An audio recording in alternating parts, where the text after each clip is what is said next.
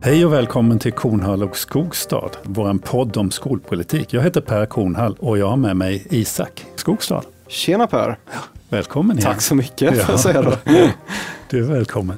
Idag har vi med oss ingen mindre än Kristina Axén Olin som kommer hit för att diskutera skolpolitik med oss.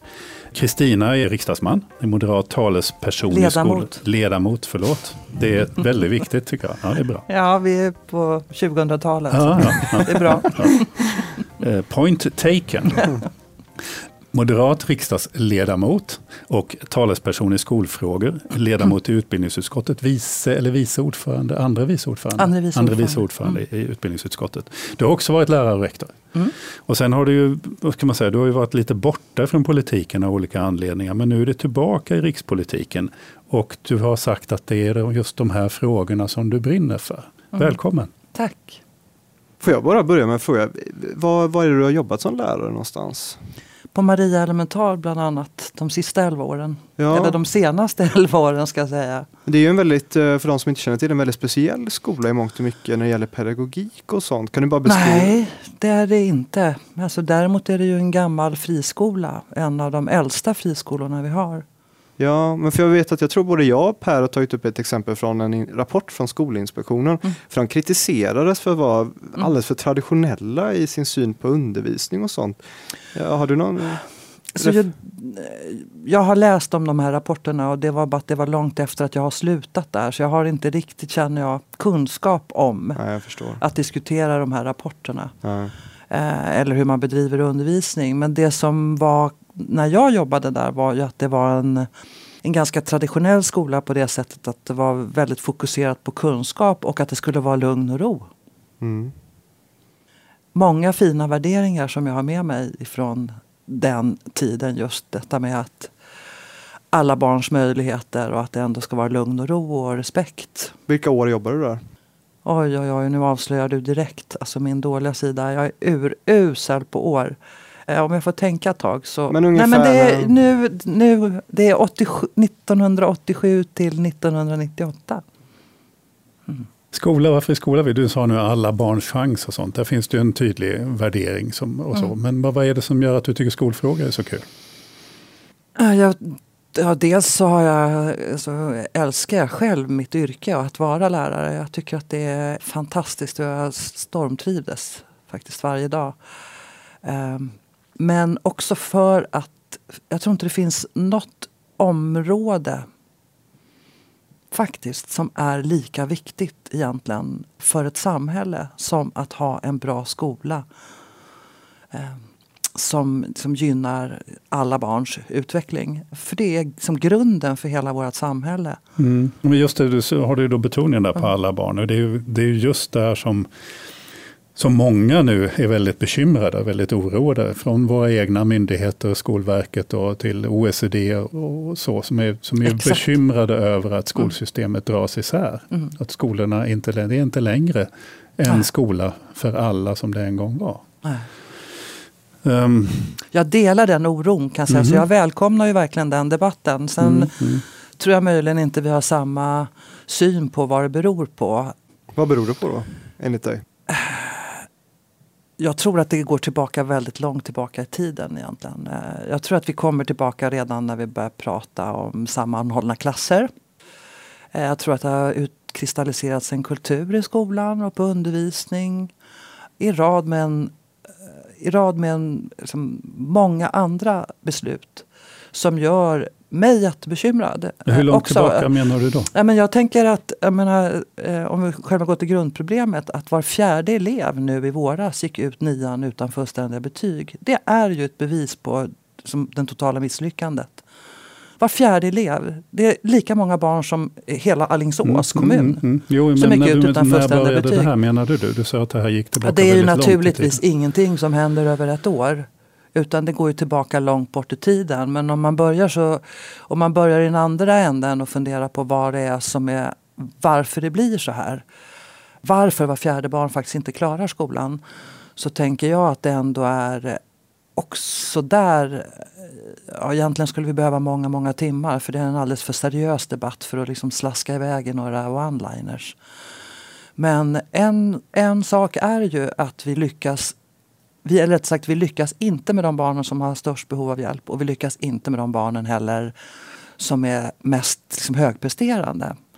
Eh, utan vi, vi undervisar ju sedan 50-60-talet väldigt mycket ifrån att alla barn ska vara likadana. Men, men och det säger, är inte men barn. Du säger att vi missly- vad har du för bevis för att vi misslyckas med de som är, som är duktiga? Nej, men det är ju bara att titta på betygsstatistiken. Jag menar, det, är ju, det är ju offentlig handling. Det kan Men vem kan som helst gå in och titta att var fjärde barn gick ut nian Ja, men utan det, det är en sak, men betyg. det var inte det. Alltså att vi misslyckas, det är ju ganska tydligt från siffror att vi misslyckas med att vi har väldigt många underpresterande i PISA till exempel.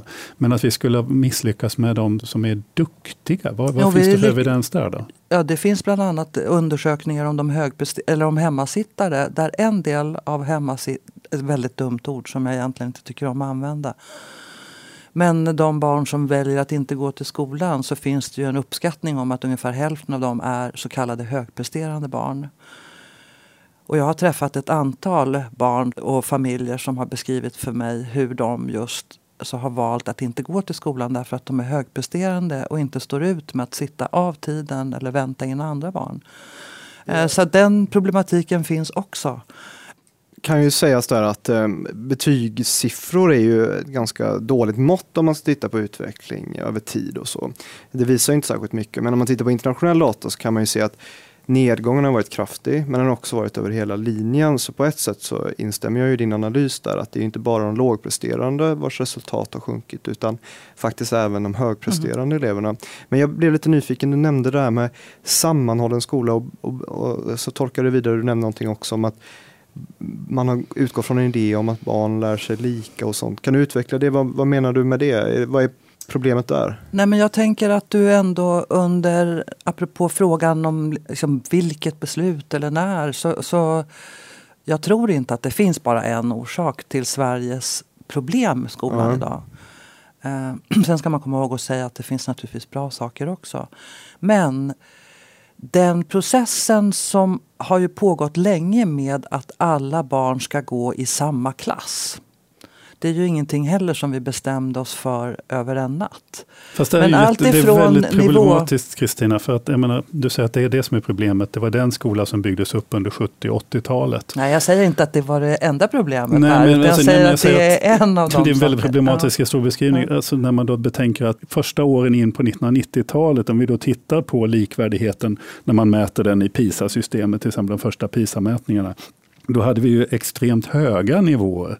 Både vi hade väldigt höga presterande elever, vi hade väldigt få underpresterande elever, vi hade väldigt hög likvärdighet. Det fungerade väldigt väl i den här sammanhållna enhetsskolan. Den fungerade oerhört väl. Vad vi gjorde sen är ju att vi har gått den motsatta vägen. Vi har ju numera, enligt till exempel Björn Åstrand, som ju utreder ganska många, leder, har led, leder en utredning och har lett en annan utredning om professionerna. Så vi, han menar ju att vi är tillbaka i den här uppdelade skolan.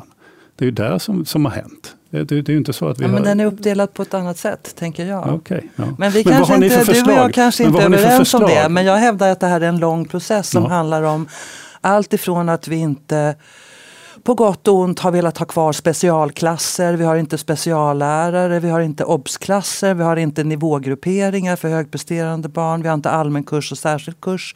Alltså det har varit en lång process under många, många år som jag tror är en av anledningarna och som har bidragit till att när du som lärare lägger en undervisning för att på något sätt anpassa dig till 30 barns, där både en del är väldigt, väldigt i behov av hjälp. Du, man säger, en del forskare påstår att det är ungefär fem barn i varje klass som har en neuropsykiatrisk diagnos. Du har dessutom ett antal procent, kanske 5 procent som är högpresterande. Och om du som lärare ska lägga det hela tiden i någon sorts undervisning som fungerar för alla. Det är klart att det får konsekvenser, kanske inte över en natt. Men jag är, jag är av övertygelse om att det här har bidragit till att vi har de problem som vi har idag i svensk skola. Men jag har full respekt för att du har en annan uppfattning. Men du, om du säger så här, vad har ni för förslag? Om du tycker att det är ett problem att skolsystemet dras isär, för det som händer är ju, det är vi tydligen eniga om då. Vad har ni, alltså från Moderaterna, för förslag som kan leda till att, man, att vi går tillbaka, att vi får en likvärdig skola? Så att alla skolor blir bra? Ja, nu har ju vi då flera hundra att-satser så att att jag, jag vet inte vilken ände jag men ska börja. välja. topp Men, tre då? nej, men det jag tror är en, en sak som Sverige ska göra nu det är att vi ska utöka Skolinspektionens befogenheter. Att både titta på skolor, att följa upp skolor som inte har bra resultat och att vidta åtgärder.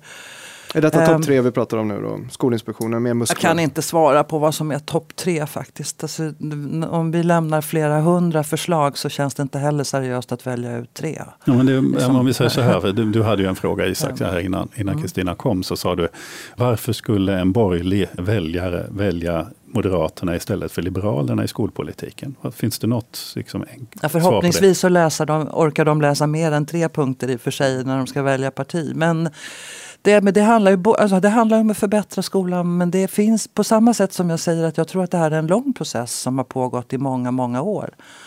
Så tror jag inte att det finns liksom ett beslut eller två eller ens tre som, som enskilt kommer Nej. att förbättra detta. Men jag säger att om jag ska plocka ut några Mm så är det att i dagsläget då så tycker jag absolut att du kan utöka Skolinspektionens både befogenheter och resurser för att följa upp och utvärdera skolor. Jag hör ju till dem som också vill att vi ska ha en form av kvalitetsmätning på alla skolor och se till skolor och klassers resultat och våga fatta beslut. Så att dels så tillsätter man åtgärder för de skolor som inte lever upp till de förväntade kvalitetsnivåerna. Och om det år ut och år in är så att vi har dåliga skolor som inte gör så att barnen når tillräckligt bra resultat. Då tycker jag att vi ska fatta beslut om att lägga ner de skolorna. Ja, för mig eh, som lärare så tycker jag det låter mer som ökade inslag av byråkrati med fler mätningar och så. Eh, Men jag, Jag förstår att det kan låta så men det är inte så jag tänker. Men Men du- sen du handlar säger det om du du- bättre, lär, alltså bättre lärarutbildning naturligtvis också. Det det handlar, eh, som, om jag skulle säga, säga igen nu, om jag tänker lite högt, topp tre. Absolut att svenska elever har för lite undervisning. Vi har ett år mindre än övriga snittet i OECD. Ett och ett halvt år mindre timmar på grundskolan än Danmark. Det är klart att det märks på kunskapsresultaten. den frågan som eh, Per nämnde, att jag tidigare nämnde, nu blir det lite rörigt här. Men jag tänker så här då. Jag känner inte att vi riktigt fick svar. Om, om jag är en borgerlig väljare och eh, värnar en svensk kunskapsskola som är likvärdig. Hur skulle du då bemöta mig i eh, ett fiktivt valstugereportage där jag kommer fram med mikrofon och frågar dig varför ska jag rösta på Moderaterna och inte Liberalerna om det är den absolut viktigaste frågan för mig? Vad är det som särskiljer er? Mellan Moderaterna och Liberalerna? Ja, Jaha. jag tänker att det är två Jag partier. tänker att det, är, ja, det var en annorlunda fråga. Ja, välkommen till Kornhall och Skogstad. Här kör vi annorlunda frågor. Ni är mer intresserade av varför folk ska välja Moderaterna istället för Liberalerna. Jag, jag är Okej. nyfiken, anledningen varför jag ställer frågan är för att jag är nyfiken på att höra ditt svar på frågan om vad som särskiljer er och vad, varför du anser att ni har den absolut bästa skolpolitiken för en väljare som står i valet och kvalet. Om man exempelvis är överen, helt överens med övriga frågor, om Mm. man bortser från dem. Man bara är intresserad av skolfrågan. Hur skulle du då bemöta en sån här välja- väljare i en sådan valstuga? Alltså om du ställer den frågan då skulle jag säga att jag skulle kunna redogöra för vad Moderaterna vill när det gäller skol och utbildningspolitik. Men ska du, ska du ha en redogörelse för vad Liberalerna vill och vad som skiljer oss då får du fråga liksom Nyamko Sabuni eller Roger Haddad om deras utbildningspolitik. För jag kan berätta vad vi moderater vill.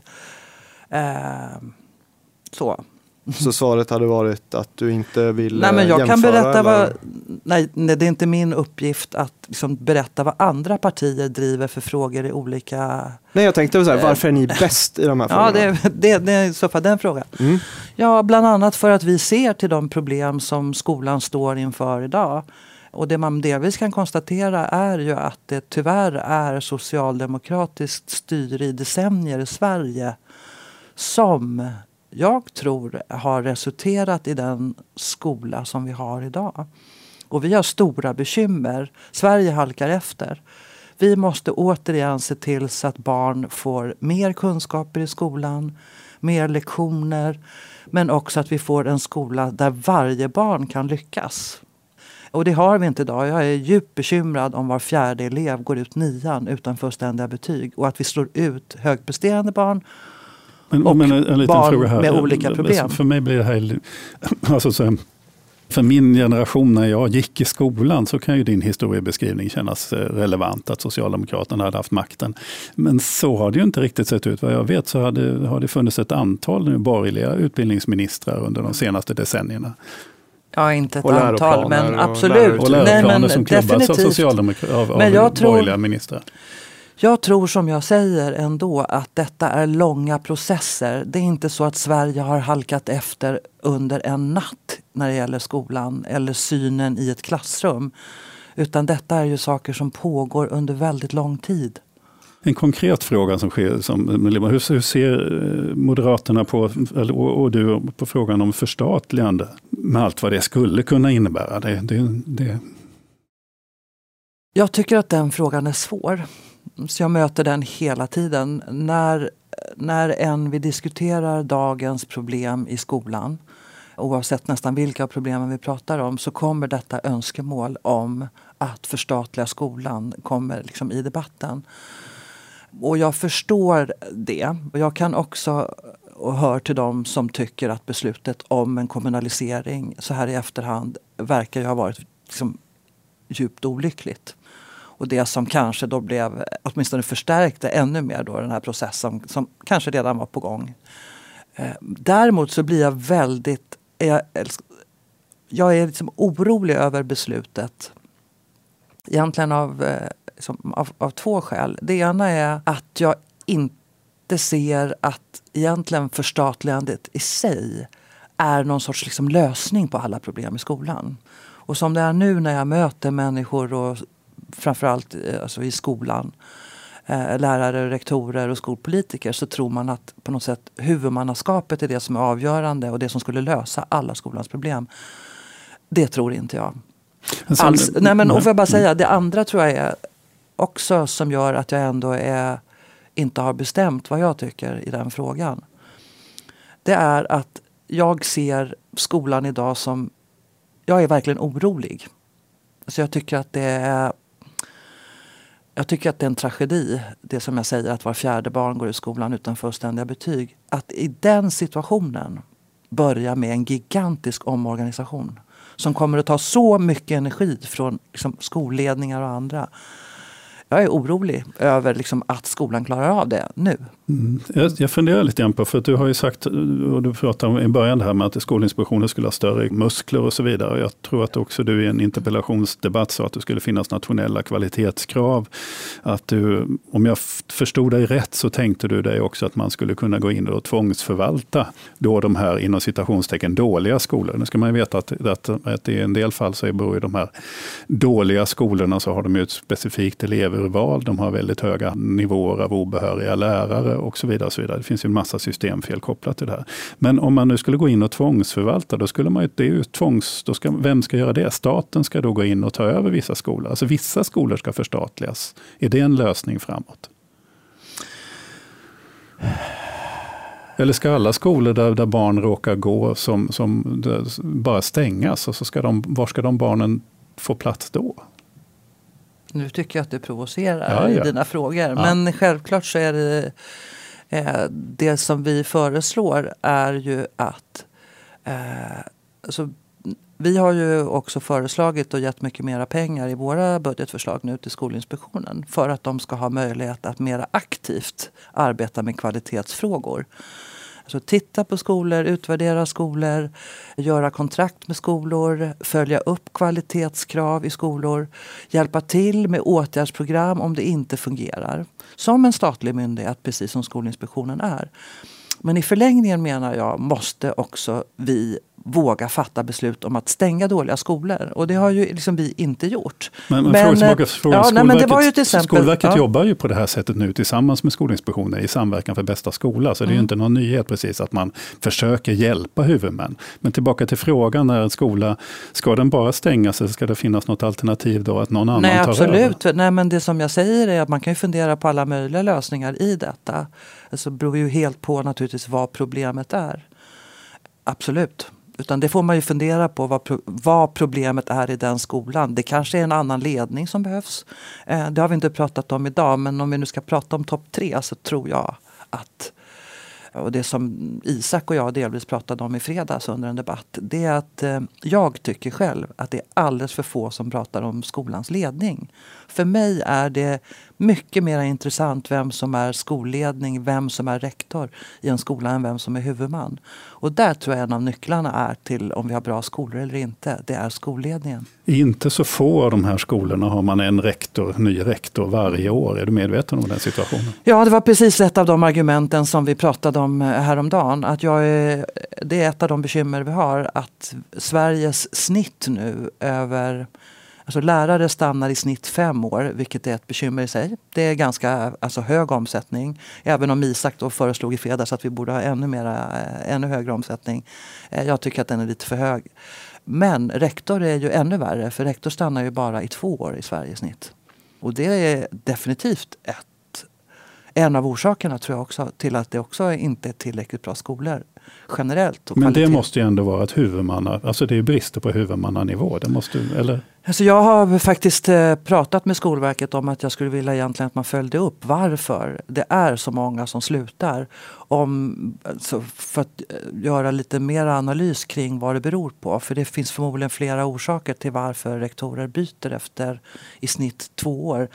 Men det, det är det går inte att bedriva liksom bra skolor om du har den omsättningen på rektorer. Utan vi måste det, finns få... ju, det finns ju redan studier på det. Elisabeth Nilfors och Olof Johansson visade ju att en av de här eh, stora problematiken var ju att rektorer eh, upplevde att de inte hade förtroendet ifrån den politiska styrningen hos huvudmännen. Och huvudmännen hade inte något förtroende ja, Det finns ingen ny studie nu som visar mm. varför mm. det var så många som slutade förra året. Och man mm. har inte liksom systematiskt följt upp samtalen. Så jag, men, jag, ja. men du kanske känner att du vet varför. Jag, jag, jag känner att det vore jätteintressant att få veta varför vi har så stor omsättning på rektorer. Ja, jag bara menar ja. att det måste ju ändå hänga med ihop med, med så att säga, det är huvudmännen som, Nej, som har hänger, direkta hänger, ansvaret flera... för rektorers anställningar mm. som gör att de beter Förmodligen sig är det brister i ledarskap från huvudmännen. Det kan vara en lönefråga. Eh, så det ser väldigt eh, olika ut när det gäller rektorslöner, precis som lärarlöner. Eh, I vissa skolor har rektor mindre lön än vad förstelärare har, vilket är naturligtvis helt oacceptabelt. Eh, så det, jag tror att det är flera anledningar, men jag skulle gärna vilja se en studie för att verkligen kunna liksom rikta ja, bra förslag för att minska rörligheten på rektorer. Mm. Får jag bara fråga, mm. om du säger att um, eller du anser inte att frågan om huvudmannaskap är så viktig att det är i alla fall inte det viktigaste om man betraktar hur väl en skola fungerar eller icke. Men samtidigt då föreslår du att staten ska gå in och ta över. Är inte det lite motsägelsefullt? Om inte, om inte frågan om huvudmannaskap är så viktigt, hur kan det då vara så viktigt för de allra sämst fungerande skolorna att staten ska gå in där? Men man måste ju ha olika organisationer och liksom staten är ytterst ansvarig. Sen har vi en uppdelning. Men är, staten är ju inte Nej, men, ytterst ansvarig idag. Eh, om man tänker Nej. på exempelvis frågan om statligt huvudmannaskap. Ett argument som Nej. ofta förs fram Eh, som jag brukar återkomma till bland annat i och med att jag, jag tror Per också är för ett förstatligande av svensk skola, är ju då att det är viktigt att staten mm. tar ett huvudansvar ja. i och med att det ser så olika ut i olika mm. kommuner.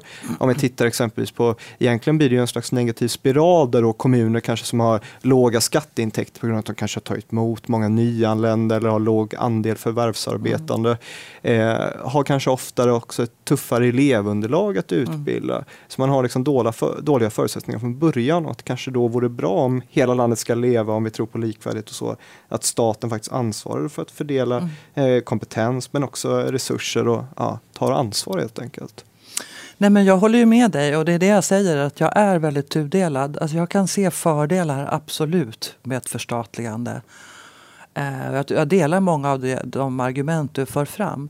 Jag är bara väldigt, väldigt orolig. Eh, alltså jag har varit med eh, och varit med om stora omorganisationer. Bland annat var jag med och satt i polisstyrelsen under en rad år och var med om den stora omorganisationen där. Och det tar mycket mera energi kring detaljfrågor och avtalsfrågor och annat som, som människor ofta inte tänker på. Och jag vet hur stökigt det var i polisen och att man liksom tappar flera år alltså i den vanliga verksamheten bara för att man håller på med en omorganisation. Mm. Eh, det är mera det som jag säger. Att jag, jag är den första att eh, hålla med om att det finns definitivt eh, mycket här... som talar för att det vore bra med ett förstatligande. Men blir det dödsstöten för svensk skola? Klarar vi verkligen av en omorganisation nu när det är så, så stora problem med Återigen var fjärde barn som går ut nian utan fullständiga betyg. Det fattas över 60 000 lärare. Folk hoppar av, liksom nästan, nästan hälften hoppar ju av lärarutbildningen. Alltså, vi har så stora problem. Och lärarbristen är ju ett jätteproblem, så där kan man ju fundera över hur ni tänker då att ni ska föra in mer timmar. För då är frågan vem som ska undervisa de timmarna till exempel. Men jag, jag det beror, på vad lärare, det beror på vad lärarna gör också under sin eh, tjänstgöring. Ja, och, mm. jag, ja, och då, då menar du att de inte jobbar nu med undervisning? Det, jo, utan... klart att de gör det. Men det finns de fortfarande... Nej, det finns mycket eh, administration som vi uppenbarligen gör i Sverige jämfört med alla andra länder. Som man borde ta bort från lärare så att de slipper. Och vad ska man göra med den tiden då som frigörs om man minskar administrationen? Ska man undervisa mer? Man kanske kan undervisa en timme till. Ja. ja. men det var det som var. Jag vet inte. Alltså, det får man ju naturligtvis titta på. Mm. Och det viktiga är ju att få bort eh, administrationen som vi i Sverige gör. Jag men tror att det var i Talis-undersökningen de väl säger att i Sverige så har vi liksom 4-5 timmar mer administration i veckan lärare jämfört med andra länder. Och det är naturligtvis liksom inte bra. I, i, en, I den här interpellationsdebatten som jag tittar på som ligger på, på nätet. Där pratar de om att den viktigaste åtgärden mot segregation är de här nationella kvalitetskraven. Då. Att du är bekymrad över segregationen i skolan. Men jag, jag funderar bara lite grann. Eh, där säger du också att segregation beror enligt forskning bara på boendesegregation. Nej, jag säger inte att det bara beror på det. Men den största anledningen till segregationen i Sverige anser jag i alla fall vara boendesegregationen. Mm. Och att det fortfarande är så att man väljer liksom den skola man, där som ligger närmast. Ja, det, det är i alla fall min uppfattning att det är den största anledningen till vår segregation okay. i Sverige. Och, och skolvalet? Friskolemarknaden har inte spelat någon roll? Det, det, det fria skolvalet i Sverige hamnar ju i den här diskussionen också. Och där menar ju till exempel OECD och andra att det är ju inte fria skolvalet i sig som är Sveriges problem utan däremot är det ju att människor utnyttjar inte det fria skolvalet i lika stor utsträckning i alla bostadsområden. Ja. Och att vi borde förbättra informationen kring det fria skolvalet. Det är ju inte det enda OECD säger om skolvalet. Nej, OECD Nej. säger väldigt mycket saker. Men mm. det tror jag också. Jag tror Men har, att, har, har fria skolvalet eh, ökat segregationen i svensk skola, skulle du säga? Ja, det tror jag. Mm. Men jag tror också att det har ökat kvaliteten i svensk skola. Mm. Men... Eh, så att jag tycker att det är som, eh, Även om jag ser att det kan ha bidragit till att förstärka segregationen så samtidigt så ser jag ju ändå att det är nödvändigt med friskolor i Sverige för att det är den pedagogiska och, och kvalitetsutvecklingen.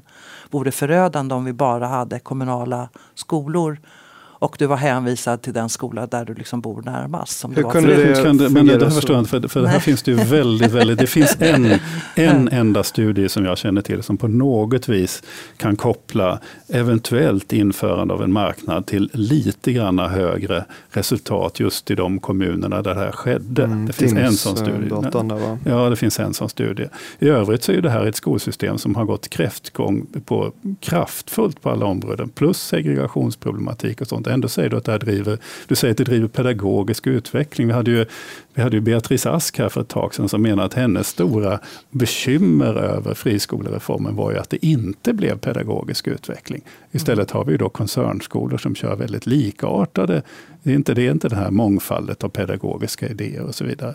Eh, när vi tittar på OECD-data kan vi ju säga att, att när OECD gör analysen av resultaten mellan fri, jämför friskolor och kommunala skolor så gör ju de analysen att de kommunala skolorna givet sina elevförutsättningar gör ett bättre jobb, alltså högre kvalitet. Och därtill alltså, det är väldigt eh, lös grund. Skolverket i sin analys av, av skolmarknaden, nu är den några år gammal, säger att det är ett av de skälen för införande av friskolor som, in, som har kommit på skam. Det har inte blivit bättre, men det har blivit dyrare. Det som enda som egentligen har kommit är att människor kan välja. Mm. Det är deras analys av det hela. Jag tycker det är väldigt, väldigt svag grund för det här. Ja, jag är inte av den uppfattningen, men det är ju väldigt svårt att säga. Men eh, Eh, det är, jag har ju också läst OECD-rapporten och vi på det sättet är vi överens i den här frågan då som Isak frågade mig alldeles nyss. Eh, alltså min uppfattning att det är inte huvudmannen egentligen som är intressant. Eh, det finns dåliga liksom friskolor, det finns bra friskolor. Det finns dåliga kommunala skolor och det finns eh, jättebra kommunala skolor. För mig är det mycket mer intressant vem som är skolledning. Det är ganska avgörande för mig. Därför är jag tillbaka till den här frågan om liksom att man borde prata mycket mer om skolledningar och hur vi liksom kan förbättra skolledningar ännu mer och satsa resurser på skolledningen. För den är liksom, enligt min uppfattning avgörande. Sen vill jag hävda bestämt att konkurrens liksom på alla områden är bra. När människor får välja. Om det bara hade funnits ja, en, liksom, ja, det går inte att jämföra med någonting annat, men jag, jag, jag, tror att det alltid är bra att kunna välja. Det spelar ingen roll om det är sjukvård eller om det är äldreomsorg eller om det är skola. Eller om du får välja bra förskola. För eller mm. att det är bra för utvecklingen med konkurrens Kvaliteten. och kvalitetsutveckling. Kvalitet i skolan. Ja. Det, som drev, det, det tror jag är bra. Sen håller jag med om att när man tittar nu så kan man ju se att en del av de fristående koncernerna har liksom blivit så stora så att man undrar ju också vad, vad är värdet då när man är som en, ja, så långt ifrån på något sätt besluten som det var från början. Men jag vill ändå hävda att det vore, alltså att det finns en typ av det, en potential i att människor får, får välja och kan det, välja bort. Var det konkurrens? Som är jag förstår, jag förstår. Jag har, jag har en sista, men jag, ska bara fråga, jag har två frågor, en, en lite kort här. Var det konkurrensen med andra skolor som gjorde att du ville utvecklas som lärare när du själv jobbade som lärare? Det fanns eh, Alltså jag, jobbade, jag har jobbat på både kommunala grundskolor och gymnasier och fristående skolor. Och det finns definitivt någonting i när du har en engagerad skolledning och en styrelse som drivs av, en vision. Mm, ja, det var inte det som, som var är frågan. ovärderlig. Det var inte det som var och frågan. det var därför jag valde ja, Maria men det var Ja, det, men det, det, det, är en helt annan drivkraft. Det är en, en vision att det är kul att utvecklas. Men var det ja. konkurrensen som gjorde att du tyckte att Åh, nu ska jag ha en bättre lektion för att jag ska tävla med en annan skola? Jag kan inte svara på men jag tror att Maria Elementars delvis engagemang har att göra med att det fanns en konkurrens till andra skolor. Mm. Den sista frågan här, nu pumpar vi ut då miljarder i, eller massa pengar i skolsystemet. Tycker inte du att det är ett problem då att i andra ändan så sitter då två skolkoncerner och gör 475 miljoner kronor i vinst. Där en av dem säger att det här beror på nu att staten har höjt skolpengen så nu kan vi dela ut mer pengar till våra aktieägare. Tycker inte du det är stötande att staten stoppar in av mina skattepengar i ena ändan och så plockas det ut av aktieägare i andra ändan? Jag med givet de problemen vi det har Det största problemet vi har är, som du säger för att då använda din retorik, att vi pumpar in en massa pengar i svensk skola. Och vi har haft en regering nu som har suttit i åtminstone fem år i den konstellation som man är nu. Och jag ser inte fortfarande ett enda konkret förslag på vad man tänker vidta för åtgärder för att förbättra problemen i svensk skola. Vi ställer in utbildningsutskott efter utbildningsutskott och inte ett enda förslag har kommit fram sedan valet konkret på hur vi förbättrar svensk skola. När var fjärde elev går ut skolan utan fullständiga betyg. Det fattas över 60 000 obehöriga lärare. Vi klarar inte de barn som har bäst behov av hjälp och vi klarar inte de barn som är mest högpresterande. Det tycker jag är det största bekymret. Tack så mycket Kristina Axén Olin för att du gästade Kornhall och Skogstad. Tack själv. Tack. Va? Ska man säga. Plural. Ja, Isak, nu har Kristina Axén Olin lämnat eh, vårt inspelningsrum. Hur ska vi sammanfatta det här samtalet? Jag tyckte det var lite märkligt eh, och då tänker jag särskilt på min fråga om den här jag ställde om varför ska man rösta på Moderaterna om man är intresserad som borgerligt sinnad person av en svensk kunskapsskola. Jag tyckte det var inte så tydligt svar där och jag menar, nu har ju Kristina till hennes försvar inte suttit som utbildningspolitisk talsperson allt för länge. Men jag hade nog önskat ett eh, tydligare svar på en sådan fråga som väljare ställer sig såklart. Om man är intresserad av skolan och det är utifrån partiernas syn på skolfrågan, man väljer var man lägger sin röst någonstans, då tycker jag man ska förvänta sig, eller man borde kunna förvänta sig att politikerna ska kunna förklara varför man just ska rösta på dem. Så det var nog, ehm, det var till hennes nackdel. Ja, det får man väl säga. Eh, vi fick ju ett konkret svar på en fråga som vi som lärare kan vara intresserade av. Det är att hon tycker att, att de ska undervisa mer. Det är så vi ska lösa lärarbristen. Ja, och det har ju alla kunnat räkna ut. Men av någon anledning så har man varit väldigt tyst om det från politikens håll. Alltså man har pratat om vikten av att eleverna ska få mer undervisningstid och att lärarnas administration ska minska. Men jag menar, jag har ju hellre en, en timma administration än ytterligare en lektionstimme i veckan. För det luriga med detta är ju att en lektionstimma innebär ju att man behöver tid till före och efterarbete. Så det blir alltid mer än en timman i sig så att säga. Så att eh, om man minskar administrationen och samtidigt ökar undervisningstiden så menar jag att man tar ett steg fram för att ta två stora kliv tillbaka. Ja, och Sveriges lärare kan väl känna sig lite bekymrade om det nu är så att på grund av politisk vad ska säga, ignorans tycker jag, så har vi den här lärarbristen som har fått tillåtit segla upp här nu under väldigt lång tid och som vi inte har någon lösning på nu. Och nu ska lärarkåren betala priset för det genom att jobba mer. Mm. Det är en rätt konstigt sätt att hantera frågan ur ett lärarperspektiv. Ja, en sak som jag tycker att vi ska ge en cred för, det är ju synen på skolval där. För det är något som jag har varit oerhört frustrerad över. Alltså det här, min utgångspunkt i frågan om skolval är att jag tycker att det är bra för individen att få välja skola. Men jag ser samtidigt på en systemnivå hur det bidrar till ökad segregation. Den debatten måste man föra. Och vad menar jag då med den debatten? Jo, man måste ha en rationell diskussion om vad man kan göra för att motverka de dåliga sidorna med det system vi har idag. Det är en diskussion som, eh, som svensk skola förtjänar. Och jag var faktiskt lite förvånad över att Kristina medgav då att skolvalet ökar segregation. Och det tror jag beror på att, eh, jag menar om vi backar bandet några år så tror jag att man har fått ett förnekande av det och att det inte alls är så. Så att eh, det kanske är ett tecken på tillnyktring i frågan om eh, segregation i skolvalssystemet. Ja, jag minns inte, det var inte många år sedan som både Fredrik Reinfeldt och Jan Björklund förnekade att det fanns någon som helst problem med segregation i svenska skolan. Mm. Så, så att det, det, är verkligen så att den här frågan har förflyttat sig. Jag tycker också, om jag ska ge Kristina cred för någonting så är det att det finns, ett, det finns ett engagemang och ett hjärta för skolfrågor hos henne. Onekligen, ja. Så, hon bryr sig om, hon pratar väldigt mycket om alla barn och skola för alla. Alltså det, det är någonting så. Det är viktigt. Och sen också det, jag menar det är ju kul alltid när en eh, utbildningspolitisk talesperson de facto har bakgrund i skolvärlden. Och det betyder inte allt, absolut inte. Men eh, jag tycker det är kul att eh, Moderaterna har utsett en eh, skolpolitisk talesperson som har jobbat i många år som både lärare och rektor faktiskt. Ja, och med det så sätter vi väl punkt för det här avsnittet. Lyssna gärna på nästa avsnitt, då har vi nya spännande gäster som är på väg in. Tack så mycket. Tack.